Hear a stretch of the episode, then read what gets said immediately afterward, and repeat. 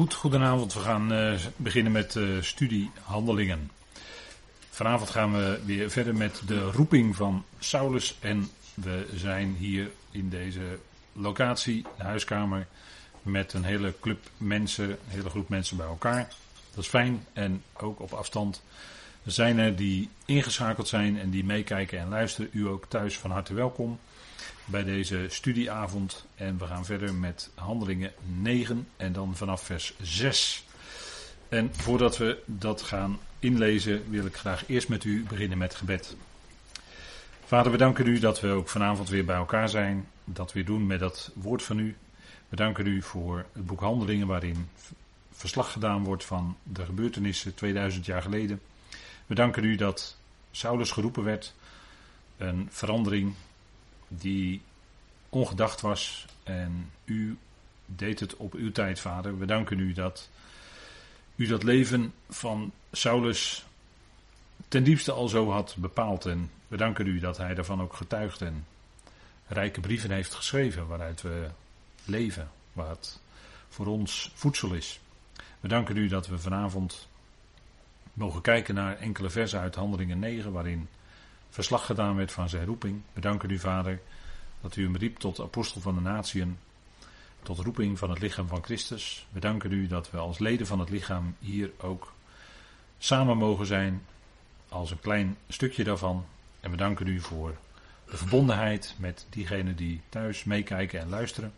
Vader, we danken u dat we u ons hart wil aanspreken, ook deze avond. En dank u wel dat we, Vader, steeds opnieuw mogen leren en ietsje dieper gaan verstaan wat uw woord te zeggen heeft. En wilt u dat geven door uw geest in ons hart?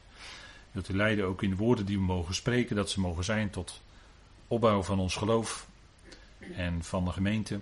En bovenal dat ze mogen zijn tot lof en eer van uw naam. Vader, we danken u dat we mogen uitzien naar die heerlijke komst van uw zoon. Waar Paulus als enige iets van mocht openbaren. We danken u dat we daarna uit mogen zien.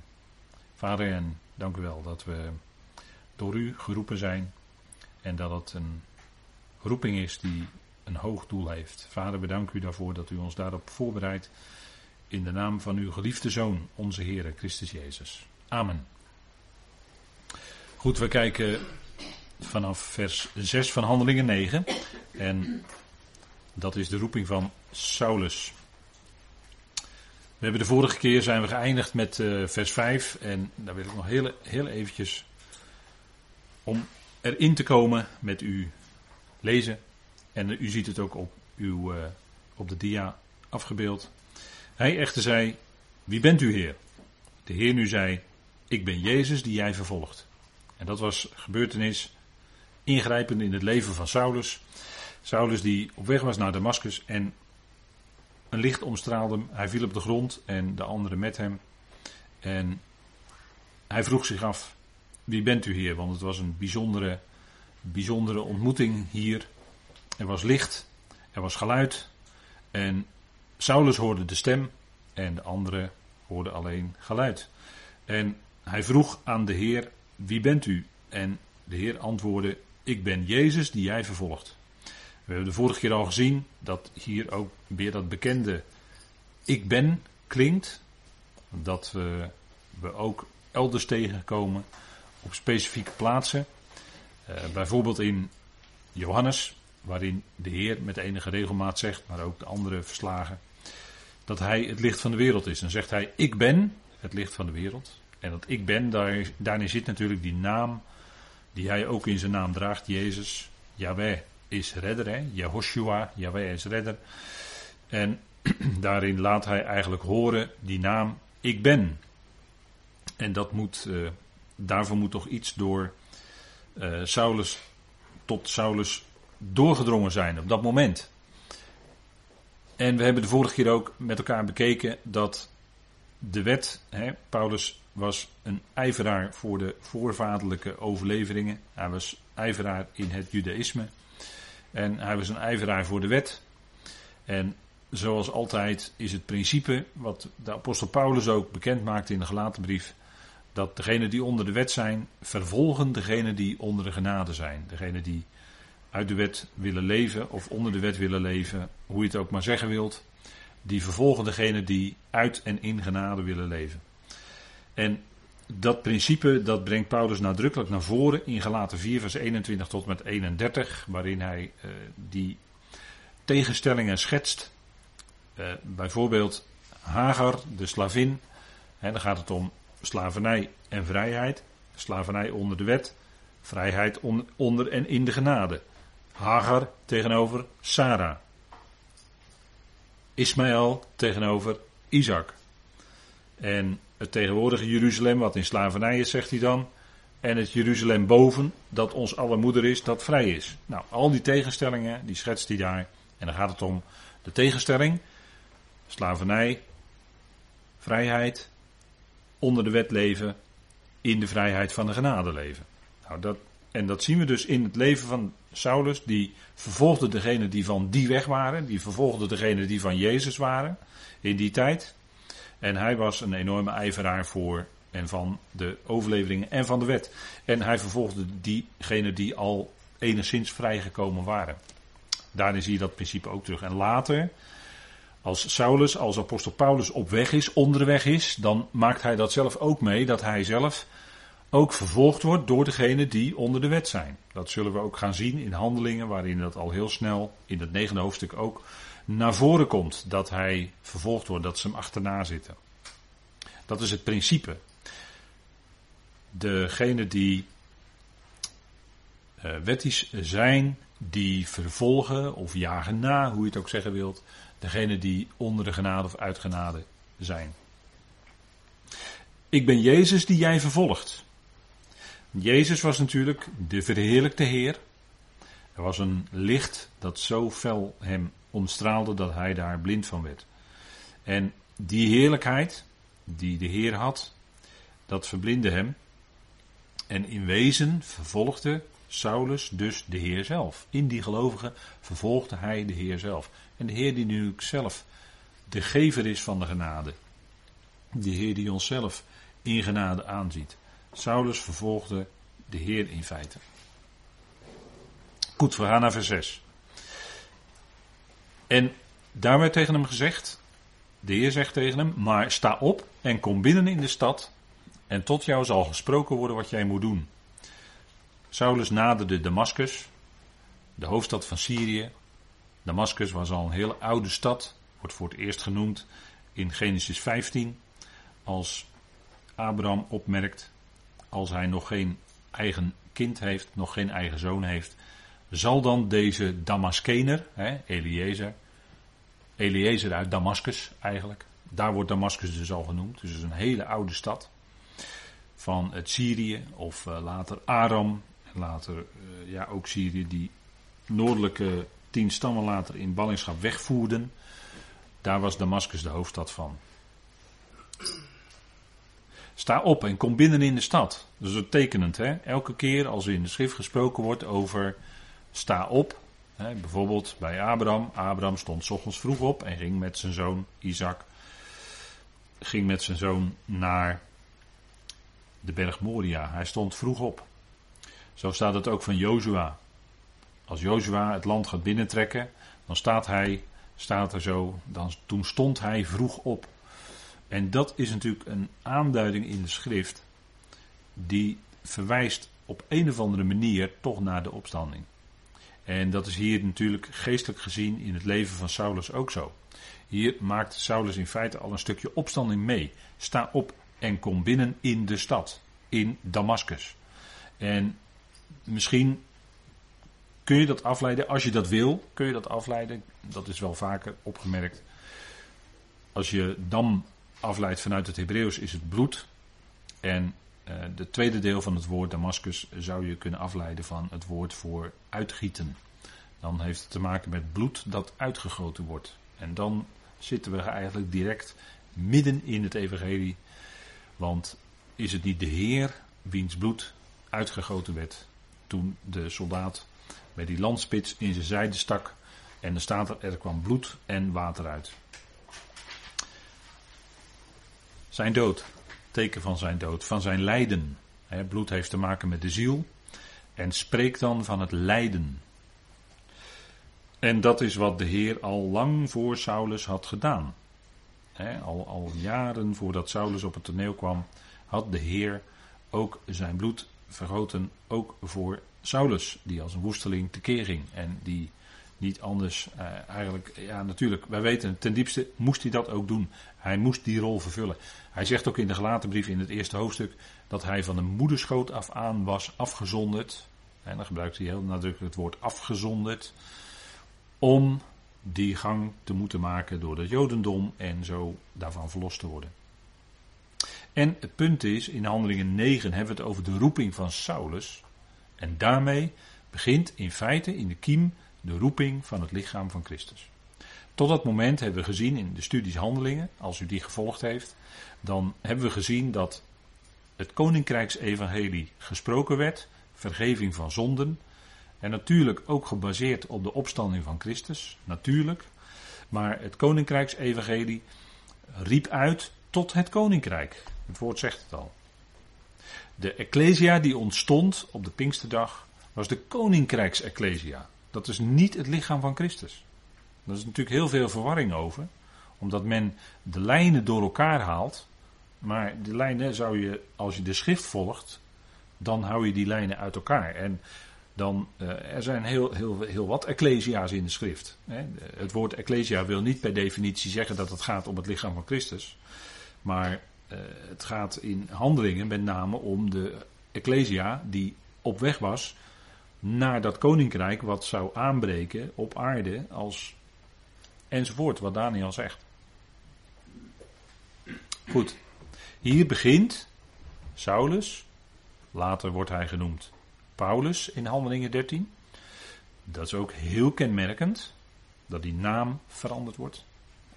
Maar hij gaat Damascus binnen en dan moet hij afwachten wat tot hem gezegd wordt, wat hij zal moeten doen. En dan gaat het zich verder ontwikkelen, hè? Het, uh, de, de geschiedkundige gebeurtenissen. Saulus, geroepen, licht, licht waarin hij. En het was zo fel dat hij daar dagenlang blind van was. Tot hem de ogen, die moesten hem geopend worden. En ook dat deed de Heer natuurlijk. En dat is natuurlijk voor, voor ieder mensenleven is dat zo. Het hart van de mens moet geopend worden. En dat kan een mens uit zichzelf niet doen. Nee, God doet dat. En dat is door het werk van zijn geest. En dat zullen we ook zien. Goed, vers 7. De mannen nu die samen met hem op weg waren, stonden verstomd. Inderdaad, het geluid horend, maar zagen niets. En eh, mogelijk staat er in uw vertaling het woord stem, hè, mogelijk de stem horend. Maar het woord wat hier eigenlijk staat in de tekst is het woord uh, wat wij kennen van uh, phone, hè, uh, telefoon, microfoon. Dat is het Griekse woord phone en dat betekent, dat kan nagelang de context betekenen, een geluid. Maar het kan ook betekenen een stem van een mens. Dus daar zijn, het hangt van de context af. En hier kun je dan het beste vertalen met het geluid. Het geluid horend, maar zagen niets. Het punt is dat Saulus een ontmoeting hier had met de Heer. En Saulus zag wel iets wat de anderen niet zagen. En dat is heel kenmerkend natuurlijk voor ons, geestelijk gezien ook. Je kunt iets zien wat de ander niet ziet. En wat de een wel ziet, ziet de ander niet. En dat is ook uh, als we een stapje verder gaan. Kijk, als je tot geloof komt, dan hebben we natuurlijk er zijn een heel aantal gelovigen die horen bij het lichaam van Christus. En daarnaast heb je de rest, dat zijn ongelovige mensen, die horen niet bij het lichaam van Christus. Eigenlijk een hele eenvoudige indeling zou je kunnen zeggen. Maar dan heb je heel veel gelovigen die horen bij het lichaam van Christus, vandaag de dag. En dan heb je ook uh, bij die leden, die verschillende leden van het lichaam van Christus, daar kan het ook zijn, en dat is een kwestie van geestelijke groei, dat het ene lid al wel iets ziet wat het andere lid nog niet ziet. Dat is een kwestie van groei. Daar zit allemaal gradaties in. Dat is bij iedereen verschillend. En daarom hebben we ook stilgestaan, natuurlijk in de Colossensebrief, bijvoorbeeld bij het gebed van Paulus. dat, dat zijn gebed is dat uh, al die leden vervuld mogen worden met de erkenning van Gods wil, hè, met de erkenning van zijn wil. En dat gaat dus verder dan alleen kennis, want er staat een woord dat gaat iets verder. Hè. Erkenning van zijn wil. En als je toeneemt in de erkenning van Gods wil, dan kan het best zijn dat jij als gelovige iets ziet wat een ander nog niet ziet. Dat is een kwestie van groei. En daar kun je de ander nooit op aankijken, want het is de Heer die met ieder op weg is, met ons allemaal, ieder individueel, persoonlijk. En de een is zover en de ander is al wat verder gegroeid. Nou, dat is een kwestie van wat uh, Apollos deed bijvoorbeeld, hè, die, die uh, begoot, hè, die, uh, die begoot, die gaf het onderwijs, onder andere. En God, maar Paulus stelde nadrukkelijk vast, God geeft de groei. En dat is wat ook voor ieder lid van het lichaam van Christus geldt. God geeft de groei. En daarop kunnen we voor elkaar ook bidden. Paulus bidt ook niet voor niks, bijvoorbeeld in de eerste, in Efeze 1, om een geest van wijsheid en onthulling in de erkenning van Hem. Dat is niet voor niks. Ieder lid van het lichaam van Christus is, is uh, verzegeld met die geest, maar niettemin bidt Paulus om die geest van hè, een bijzondere toedeling, een extra toedeling van die geest zou je kunnen zeggen. Dat de gelovigen dat mogen ontvangen, een geest van wijsheid en onthulling in de erkenning van Hem, zodat ze die verdere geheimenissen, om het zo maar te zeggen, uh, mogen verstaan. En dat is ook een kwestie van groei, van het leren verstaan. Dat is ook een kwestie van tijd. Daar gaat tijd overheen. Dat kun je niet van een op de andere dag. Dus dan is het zo dat wat we hier dus zien, hè, uh, Saulus hoorde wel iets, die hoorde wel die stem wat tegen hem gezegd werd, en de anderen niet. En dat, is ook, dat was ook zo waar we afgelopen zondag over spraken, dat de Heer sprak tot de menigten in gelijkenissen. En dan hadden we het over de rijke man en Lazarus. En daar waren er die het wel mochten begrijpen, want de Heer ging het aan zijn discipelen uitleggen. Maar de menigten, daarvoor gold wat Jezaja zei, zij horen wel, maar zij verstaan het niet. Zij kijken wel, maar ze zien het niet. Het dringt niet door in hun hart. En dat is, dat is ook uh, in het lichaam van Christus in zekere zin aanwezig. Er zijn leden die verder en dieper gegroeid zijn in datgene wat de apostel Paulus mocht onthullen. En er zijn andere leden die minder ver zijn daarin. Nou, dat is uh, een kwestie van hoe God het uitwerkt hè, bij ieder lid van het lichaam van Christus. Als we even kijken, omdat we het hier hebben over de roeping van Saulus, Paulus, als apostel van de natieën, zoals u uh, goed bekend bent, denk ik dat het goed, toch goed is om een aantal aspecten met elkaar even te bekijken. Wat zijn nou die verschillen in uh, bediening, in roeping van de twaalf van de besnijdenis en Saulus, Paulus en zijn medewerkers? Wil ik even een aantal aspecten met u langslopen. Ten eerste de roeping. Als het gaat om de roeping, dan zien we bij die twaalf dat zij geroepen werden, dat zij gekozen werden door de Heer. Die twaalf, terwijl de Heer op aarde was, en het was nog voor zijn verhoging en verheerlijking. Kijken we naar Saulus, dan werd hij geroepen door de Heer die verhoogd en verheerlijkt was in de hemel. Dus dat is een hele andere positie die de Heer dan heeft. Hè? Dan is er al heel veel gebeurd geleden, gestorven, begraven, opgewekt en verheerlijkt. En die Heer, die verheerlijkte Heer, daardoor wordt Saulus geroepen. Dat is een kenmerkend verschil. Als het gaat om de roeping. Dan het tweede punt is dat de twaalf werden geroepen in harmonie met de wet. Zij leefden onder de wet. Ze waren onder de wet. En dat was het oude verbond. Zij leefden in feite nog onder het oude verbond. Terwijl Jeremia, de profeet, had natuurlijk al het nieuwe verbond aangekondigd. Maar zij leefden in feite nog onder het oude verbond. Het verbond van de letter heet dat. Hè? Terwijl Saulus werd geroepen in feite zonder de wet, want hij was buiten het land. Natuurlijk, hij leefde als mens onder de wet en zo was hij ook geroepen. Hij was in hij was natuurlijk opgegroeid in Tarsus, maar hij had opleiding gehad bij de, onder de voet, aan de voeten van Gamaliel. Maar hij wordt geroepen in harmonie met de genade die hij later zelf zou bekendmaken en toedelen aan degene die juist geen verbond, hè, de natie die juist geen verbond met Yahweh hadden. Waar Yahweh geen verbond mee had. Kenmerkend verschil ook, hè? Als het gaat om het verbond. Dan, het derde punt, de wet. Kijk, die twaalf, die kregen onder de wet barmhartigheid. Barmhartigheid, hè, genadig en barmhartig is de Heer, enzovoort, werd geroepen bij de wetgeving op de Sinai. Onder de wet kregen zij barmhartigheid. Saulus, in contrast daarmee, zonder de wet, terwijl hij wel onder de wet was, maar zonder de wet, want hij was buiten het land in feite, verdiende geen barmhartigheid. En die twaalf wel, die ontvingen wel barmhartigheid. Maar hij ontving genade en barmhartigheid. Dus zonder de wet. Kenmerkend verschil ook in geestelijke lijn is dat. Hè? Dus dat is het derde punt. En deze dingen kunt u eh, later, als u dat wil, nog nalezen. En natuurlijk nawerken, want het staat allemaal op de slides, staat het allemaal puntsgewijs opgegeven. Dan het vierde punt is, die bediening van die twaalf, die beperkte zich tot het land.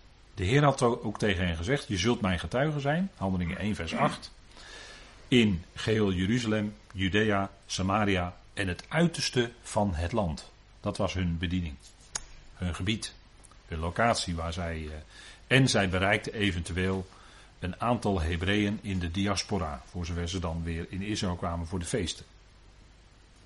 Paulus, Saulus, Paulus, die werd al geroepen buiten het land en daar lag ook verreweg het meeste van zijn bediening. Dat was onder de, bijvoorbeeld de Hellenisten en natuurlijk de natieën.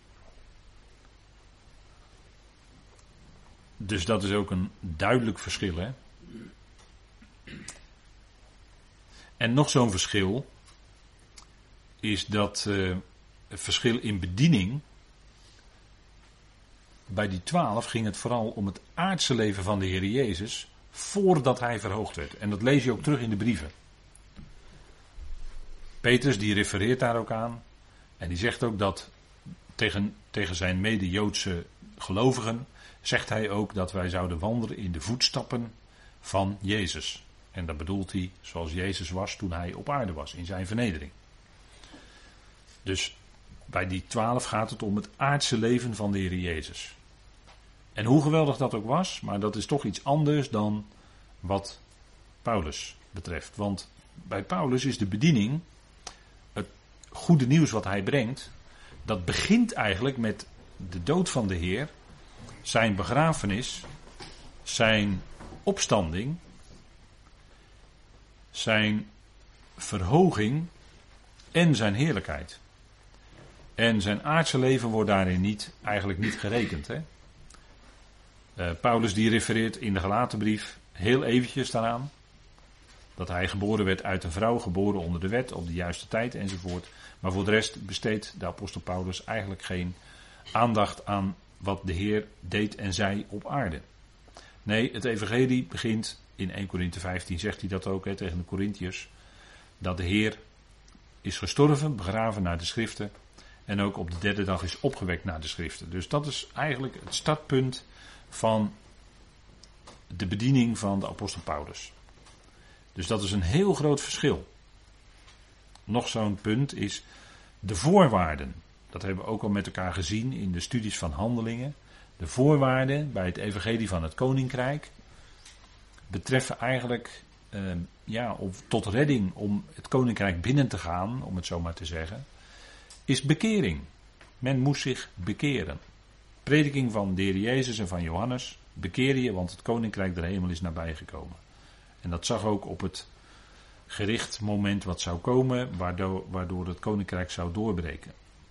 Dus bij de twaalf was het zo, die predikte dat ook, Dat zie je ook bij Petrus op de Pinksterdag. Bekering.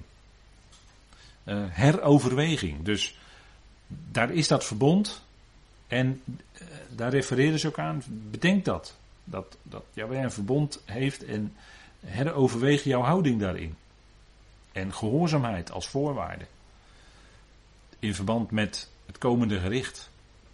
En dan is het niet, natuurlijk ontvingen de gelovigen onder de, onder de twaalf ook een stuk genade. Maar daar werden ook werken aan van verlangd. Zij moesten die vruchten laten zien die aan hun ommekeer eh, beantwoorden. En dat is een stukje voorwaarde. Kijken we bij Paulus, voorwaarden, dan spreekt hij niet over bekering of over een of andere heroverweging. Want de natieën die hadden natuurlijk geen verbond. God had geen verbond met de natie zoals hij dat met Israël had. En dat is toch een kenmerkend verschil. En vandaar dat er ook niet opgeroepen wordt tot bekering. Maar het enige wat iemand kan doen als hij het evangelie hoort, is God gewoon daarvoor danken. Als dat in het hart iets doet. God danken voor datgene wat de zoon al heeft gedaan. En er wordt geen enkel werk verlangd. Het is genade, het is geloof en dat is zonder werken. Uniek. En daarmee week Paulus, de boodschap van Paulus, enorm af van de boodschap van de twaalf. Eigenlijk in alle facetten, in alle aspecten. Dus als het gaat om voorwaarden, dan is er bij, als je luistert bij Paulus, zijn er eigenlijk geen voorwaarden. Is het Gods liefde die volledig centraal staat en ook God die het alles uitwerkt. Zelfs het geloof is iets dat ons gegeven wordt. Het is een werk van de geest in ons. Geen voorwaarden.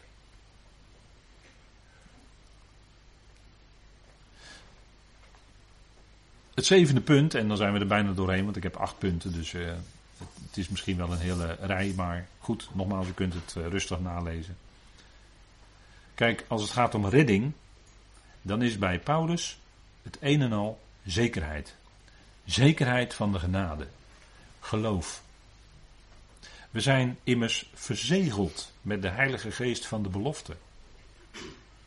En dan is, dan is er niets van ons bij. God heeft ons geroepen. Hij heeft ons verzegeld. Hij heeft ons geloof gegeven. Alles. Het is alles genade. En dat is ook de zekerheid direct, want het hangt niet van onze prestaties af. Het hangt niet van onze werken af. Dus die redding is volledig in genade. Kijk je nou bij die twaalf, als het gaat om redding voor dat koninkrijk, dan zie je dat, zij, dat, de, dat de richting is het koninkrijk op aarde. En dat ze moeten geloven, maar ook volharden tot het einde. Het is niet alleen geloof, maar ze moeten ook volharden.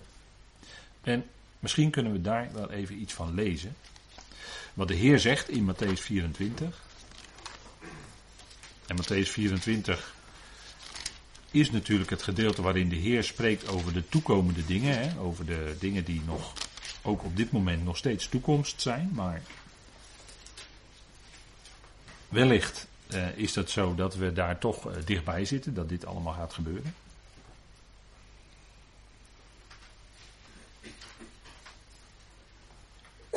En het gaat om vers 13, Matthäus 24, maar ik lees even vanaf vers 12 met u. En doordat de wetteloosheid zal toenemen, zal de liefde van velen verkillen.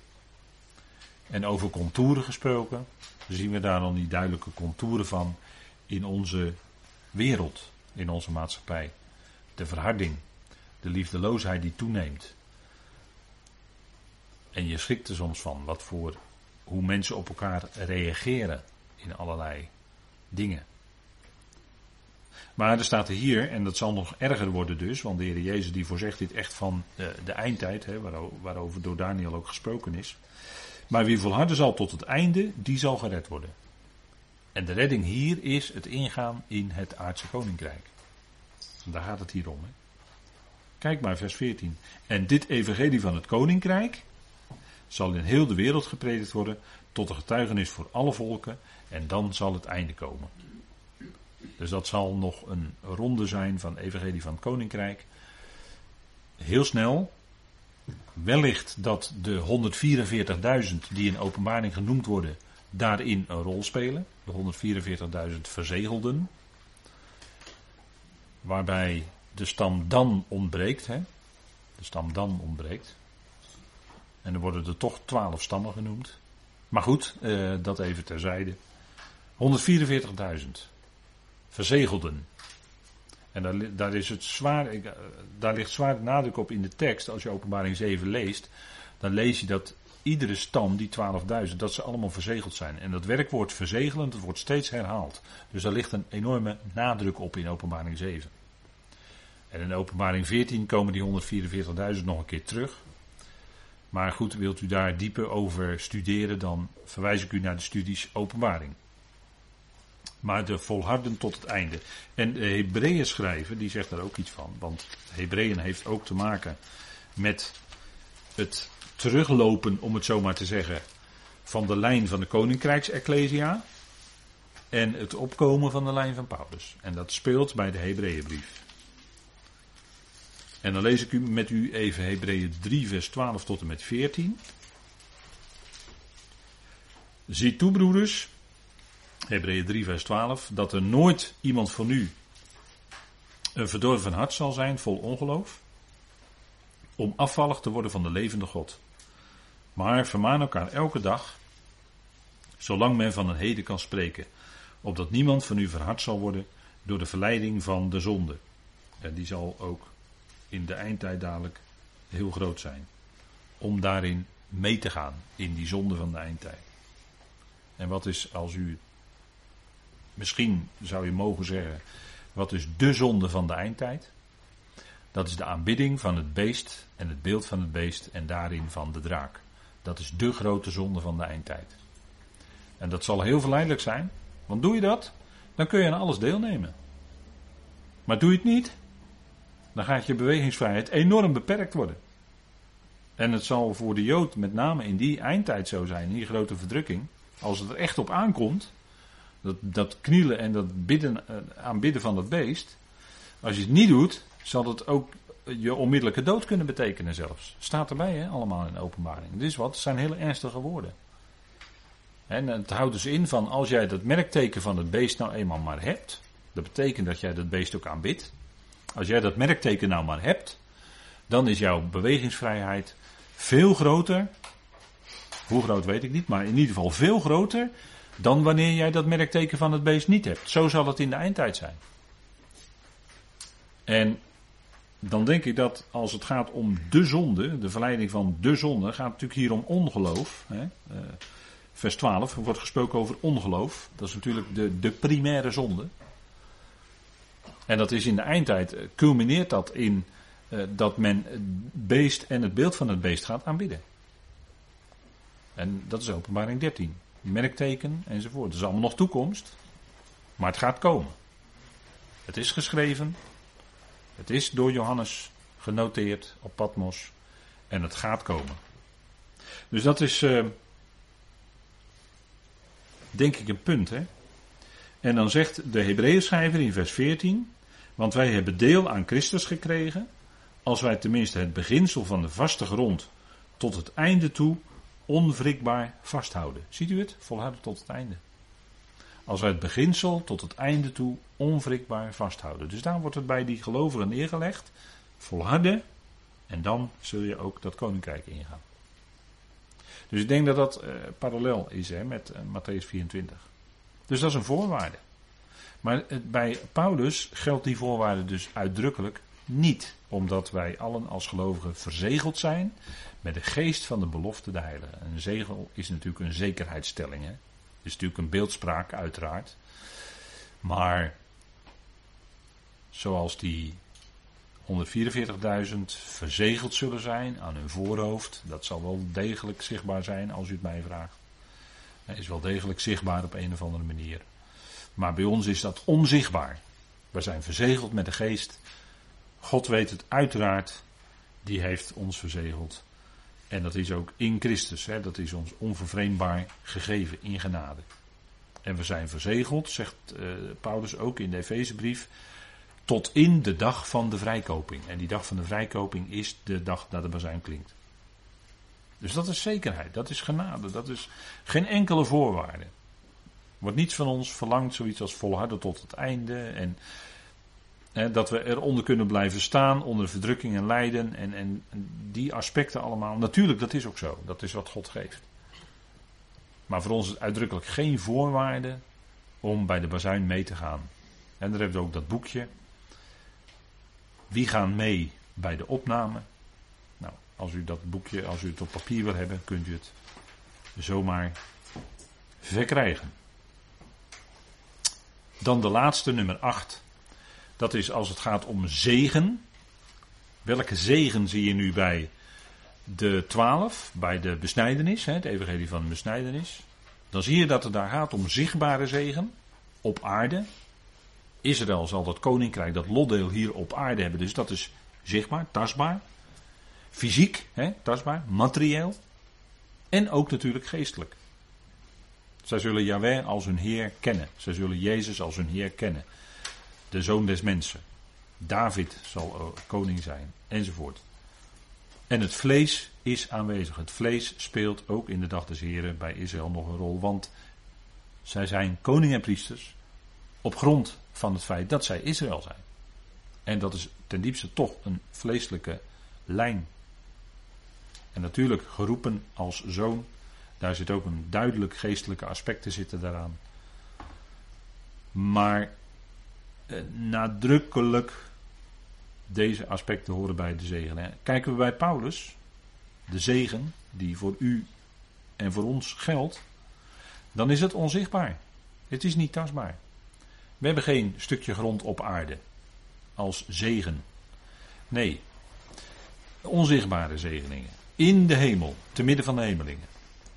En we hebben uitsluitend geestelijke zegeningen. We hebben geen materiële zegen.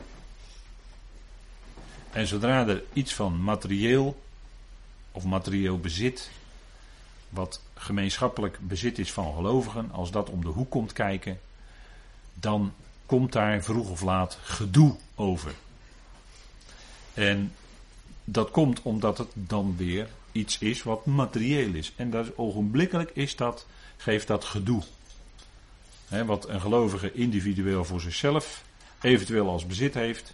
Ja, ik heb ook, wij, Lisbeth en ik hebben ook een koophuis. Goed, dan kun je zeggen dat is, dat is materieel bezit, maar dat achten wij helemaal niet als iets wat bij dat evangelie hoort of zo. Maar dat is gewoon een omstandigheid.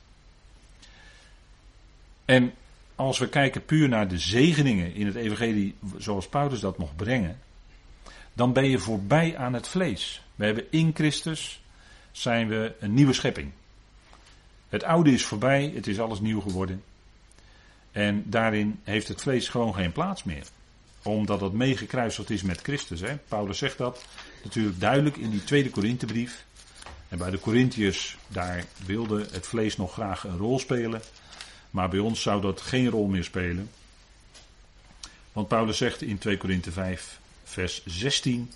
Zo kennen wij vanaf nu niemand meer naar het vlees. Ook al hebben wij Christus naar het vlees gekend, dan kennen wij hem nu zo niet meer. Dat gaat heel ver, hè, dit. Want dat is ook de aardse Heer Jezus. Dat was hij naar het vlees. Als afkomstig van David. De lijn van David. Maar Paulus gaat verder, want hij zegt: Kijk, ook al hebben wij Christus naar het vlees gekend, dan kennen wij hem zo nu niet meer. Hoe kennen we hem dan wel? Als de verheerlijkte, als de verhoogde Heer. Niet meer de aardse Heer Jezus, hoe geweldig dat ook was. En hoe geweldig hij ook sprak. Vol uh, geestelijk uh, opbouw. En daar kunnen wij ook ons uh, zeker, hè, dat, dat zijn geweldige woorden die hij gesproken heeft. Maar wat ook zegt wie hij is. En dat is geweldig en, en dat, dat nemen we ook mee. Maar het is voor ons niet bepalend. Voor ons is bepalend die Heer die zit nu aan de rechterhand van de Vader. Die verhoogd is, die verheerlijkt is. En dat is ons hoofd. En in die zin, hè, als we zo, wij kennen hem niet langer naar het vlees. Nee, wij kennen hem uitsluitend naar de geest. En dat gold voor Saulus zelf ook. Hij werd geroepen door de verheerlijkte Heer. En voor zover wij weten, heeft Saulus tijdens zijn leven op aarde nooit een ontmoeting gehad met de Heer toen de Heer op aarde was in zijn aardse bediening. Voor zover we weten. Dus uitsluitend een geestelijke verbintenis met de Heer. En dat is ook het kenmerk van deze tijd, is dat alles in feite geestelijk is. We hebben geen tastbare. Alleen elkaar als gemeenteleden ontmoeten we. En dat is fysiek. En, maar dat is omdat we die geestelijke band met elkaar hebben. Dat geloof met elkaar delen. Die zegeningen met elkaar delen. En dat is opbouwend. En het is fijn als je gesprek hebt met elkaar waarin het ook naar voren komt. Dat is die geestelijke band. De eenheid in Christus is geestelijk. En die eenheid die is er al. En die zouden wij bewaren met de band van de vrede. Hè? Dat is wat Paulus ervan zegt. Goed, we gaan terug naar de tekst Handelingen 9, vers 8. En daar lezen wij. Saulus nu werd opgericht van de aarde. Maar terwijl zijn ogen geopend waren, zag hij niets. Hem dan bij de hand leidend, leidden zij hem binnen in Damaskus. Dus hij werd opgericht van de aarde. En zijn ogen waren geopend. En toch zag hij niets. Dat is gek hè? Zoals het hier staat. Maar zo is het ook bij mensen. Bij mensen kunnen de ogen open zijn en toch kunnen zij het niet zien. Daarnet haalde ik al aan wat de Heer zei, hè, bijvoorbeeld in uh, Lucas, maar ook in Matthäus 13. De profetie van Jezaja was dat ze hun ogen wel open hadden, dat ze hem zagen, hem hoorden, en toch zagen zij het niet. Toch waren hun ogen bevangen. Paulus was, Saulus was verblind door, wat, door dat licht, door het enorme heerlijkheid die hem omstraald had. Hij was in feite ziende blind. En daarin is hij in zekere zin, zou je kunnen zeggen, ook een type van het volk Israël, wat wel de Torah heeft, het licht van God daarin. En toch zijn zij voor het overgrote deel verblind. God heeft hun gegeven een geest van verdoving, van diepe slaap. En ogen om niet te zien en oren om niet te horen. Dus in feite is Saulus hier een type van dat volk. En zij leidden hem bij de hand en leidden hem binnen in Damascus. En wat een verandering was dat in het leven van Saulus. Enorm. Enorm. Radicale ommekeer. En wat was het ook een genade.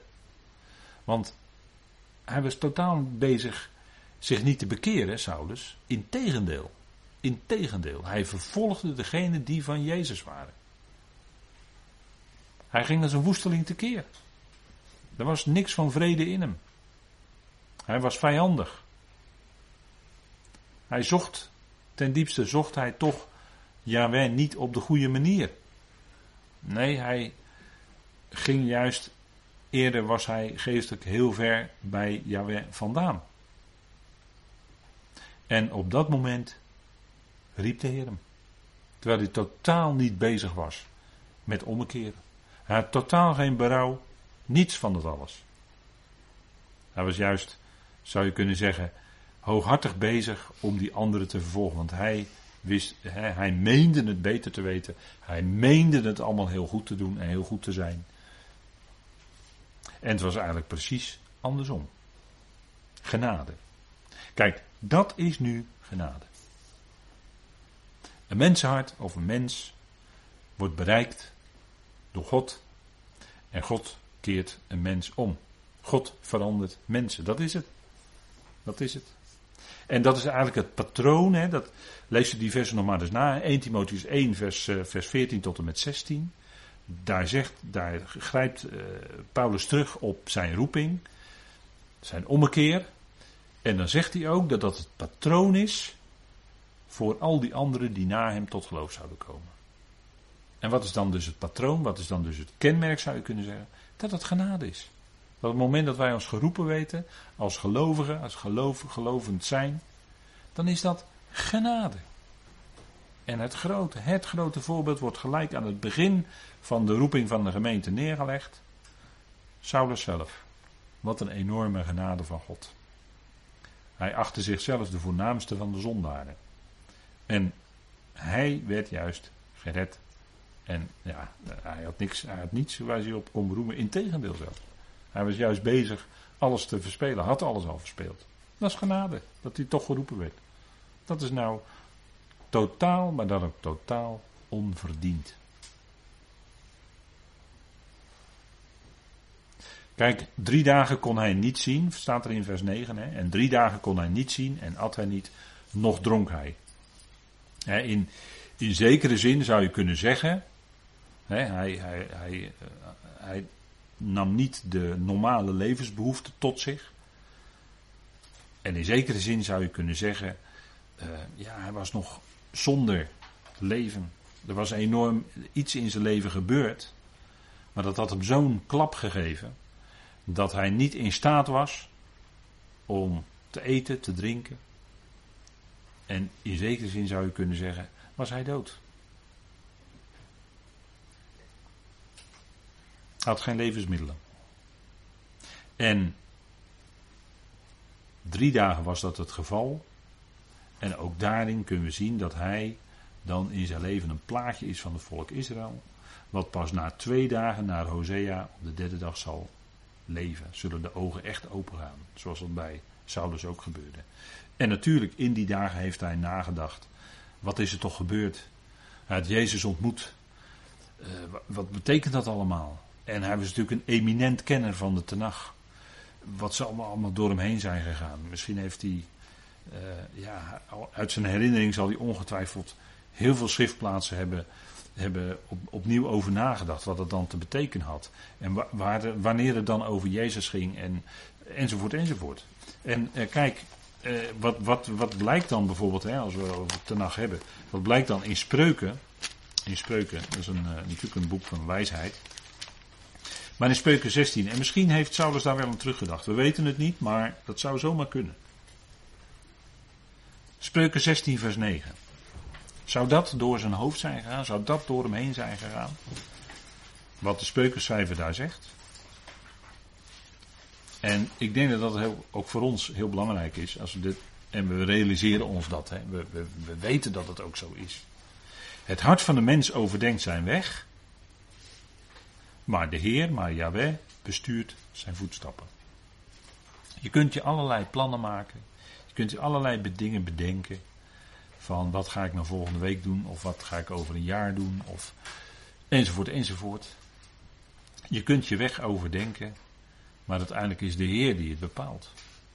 Als je eh, vroeger had bedacht, terwijl je misschien heel, nog heel jong was en opgroeide, als, als je, je had je nooit kunnen bedenken, uh, dan spreek ik misschien dan voor mezelf even nu, hè, je had je nooit kunnen bedenken dat je dan op, op de leeftijd waarop je nu bent, hier zou zitten in deze kamer, in deze plaats, en met deze dingen hier bezig zou zijn. Had je toch nooit kunnen bedenken?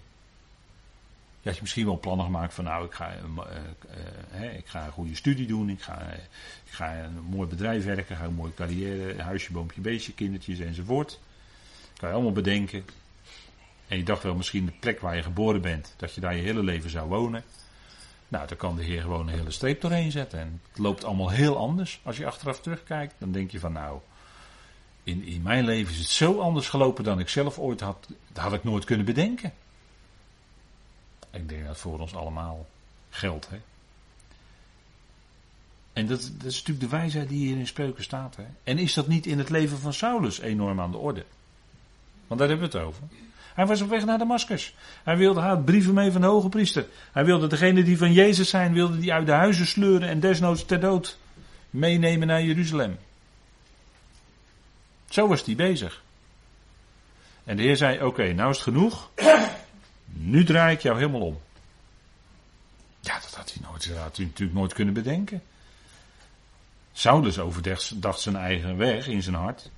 Maar de Heer bepaalde uiteindelijk, en daar zegt hij natuurlijk wat nodig over. Hè? Hebben we al even gerefereerd in Galaten 1. Hè? Vanaf de schoot van zijn moeder af was hij al afgezonderd, zegt hij achteraf.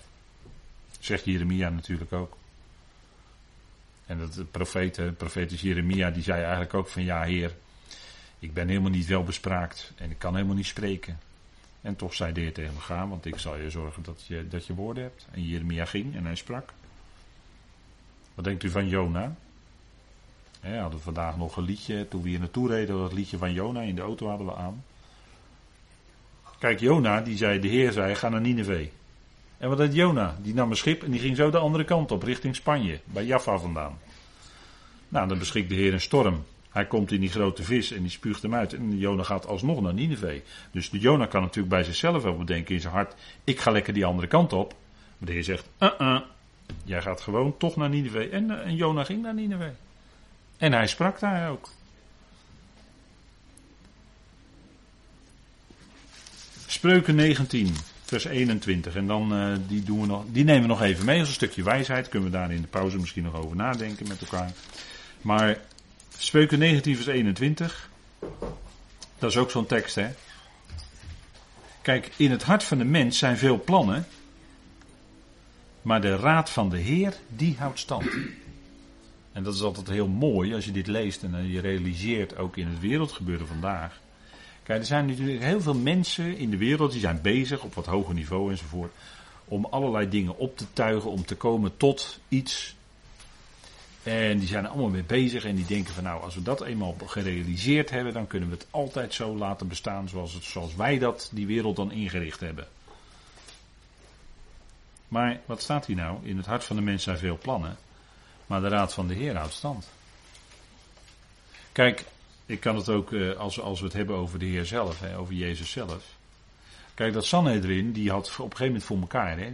De Heer Jezus werd gekruisigd had het eindelijk voor elkaar, nou is hij uit de weg geruimd. Ze hadden daar de Romeinen voor kunnen gebruiken. Hij was gekruisigd, begraven, het was voor elkaar. He? Uh, mens maakte allemaal plannen, in het hart van de mensen veel plannen. Toen ook bij het Sanhedrin. Wacht even, wat deed God? Die wekte zijn zoon op uit de dood. Kijk, en alle plannetjes gingen aan kant.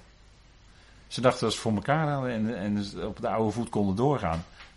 Nee hoor. En zo is het ook in onze tijd.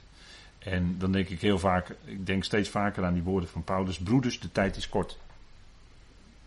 1 Korinthe 7 staat dat, hè. De tijd is kort. Laten we die tijd dan, hè, laten we die, het ging Colossens ook over, een heel praktisch punt. Laten wij de era uitkopen. De era uitkopen. Dus de tijd die we hebben, laten we die uitkopen. Zodat die tijd zo goed mogelijk besteden. Laten we de era uitkopen. Laten we nauwgezet wandelen, want de dagen zijn boos. Dat zijn duidelijke woorden van de apostel Paulus. Zowel in Efeze als in, in Colossense. De dagen zijn boos. Laten we dan nauwgezet wandelen in deze era. Want de era van het einde is aanstaande. We zijn in het, bijna in het laatste van de laatste dagen. En wellicht dat ik daar eh, over een tijdje dus aandacht aan besteed. Dat is ook zo'n fijne brochure die we hebben over de laatste dagen. En ik denk dat dat misschien goed is om daar eens met elkaar over te hebben. Want kijk, het hart van de mens, nogmaals, kent veel plannetjes. Maar de raad van de Heer, kijk, de, de, hè, de raad van de Heer. En wij kennen natuurlijk het, het fijne verschil tussen Gods geopenbaarde wil en Gods verborgen bedoeling, waar Paulus over spreekt in Romeinen 9. En Gods verborgen bedoeling gaat altijd door. Mensen kunnen ingaan tegen zijn geopenbaarde wil, dat gebeurt vandaag hevig en massaal. Maar Gods bedoeling, Gods bedoeling gaat door. U kent die Griekse woorden misschien wel. Telema en boulema. dat is uh, wil, het effect van de wil van God en het effect van de raad van God. Dat gaat door. Die boelema van God, die raad, die gaat altijd door. Daar kan niemand tegenin gaan. Kan ook niemand dwarsbomen. Niemand kan dat weerstaan. God werkt zijn plannen uit. En dat is liefde. Er zit natuurlijk Gods liefde uiteindelijk achter. Goed, we gaan met elkaar pauzeren en